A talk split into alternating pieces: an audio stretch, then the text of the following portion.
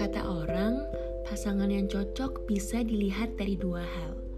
Dia yang memiliki sifat sangat berkebalikan dengan kita untuk saling melengkapi, atau dia yang justru memiliki sifat yang sama dengan kita.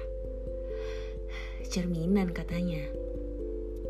Setelah bertemu kamu, aku dengan sadar layaknya manusia yang terbangun dari tidur dengan waktu 10 menit untuk mengumpulkan nyawa berkata, Aku memilih untuk mempercayai yang kedua.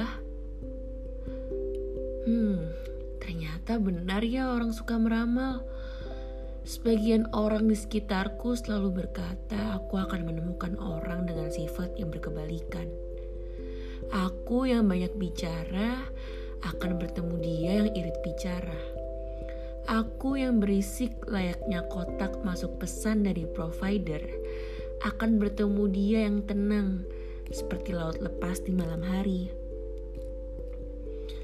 Justru selama ini, setelah melewati beberapa masa, bertemu dengan manusia satu dan lainnya, mencoba merajut ikatan, aku semakin yakin dengan pilihanku karena kamu.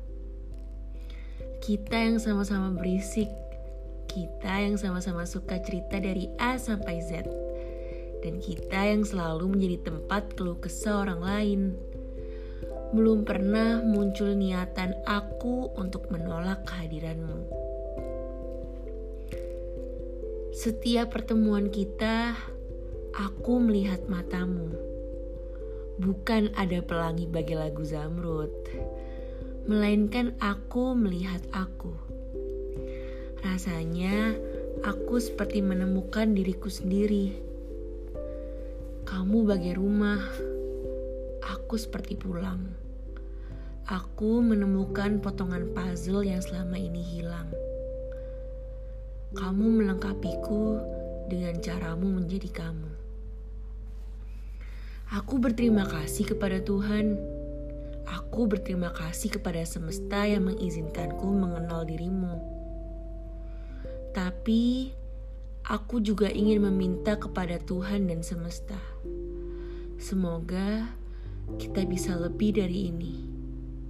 Semoga.